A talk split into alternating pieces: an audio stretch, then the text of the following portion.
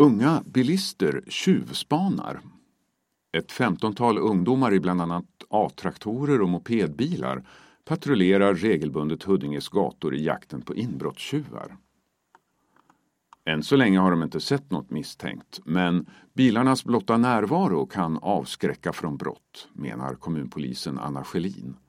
Synlighet är A och O, säger hon. På det här viset har motorburna ungdomar något meningsfullt att göra.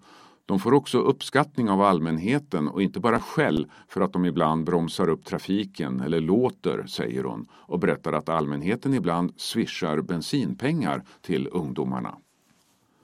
Det var ett nyhetsinslag om brottsspanande ungdomar i Storuman som fick Anna Schelin att gå igång på alla cylindrar. I Huddinge finns sedan tidigare grannstödsbilar med pensionärer som kör omkring på dagtid.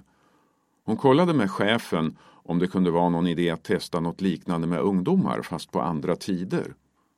Snapchat-gruppen Unga mot inbrott, där polisen bland annat lägger ut information om var det sker inbrott, startades i november.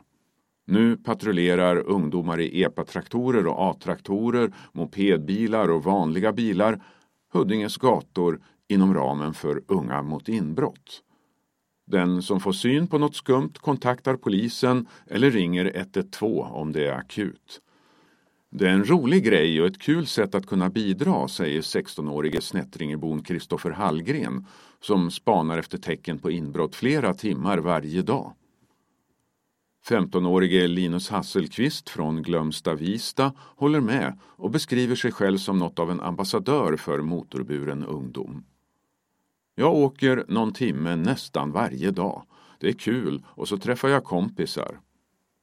De flesta som är med är unga killar men i gänget finns också två tjejer.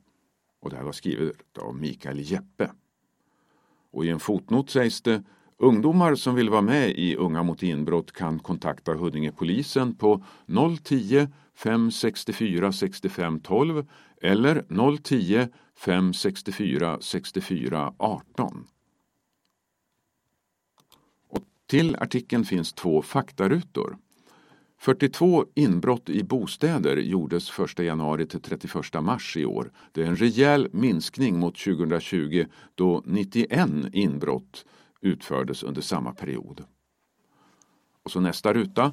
Även cykelstölderna har minskat, men inbrott i fordon har ökat från 175 till 214 under samma period.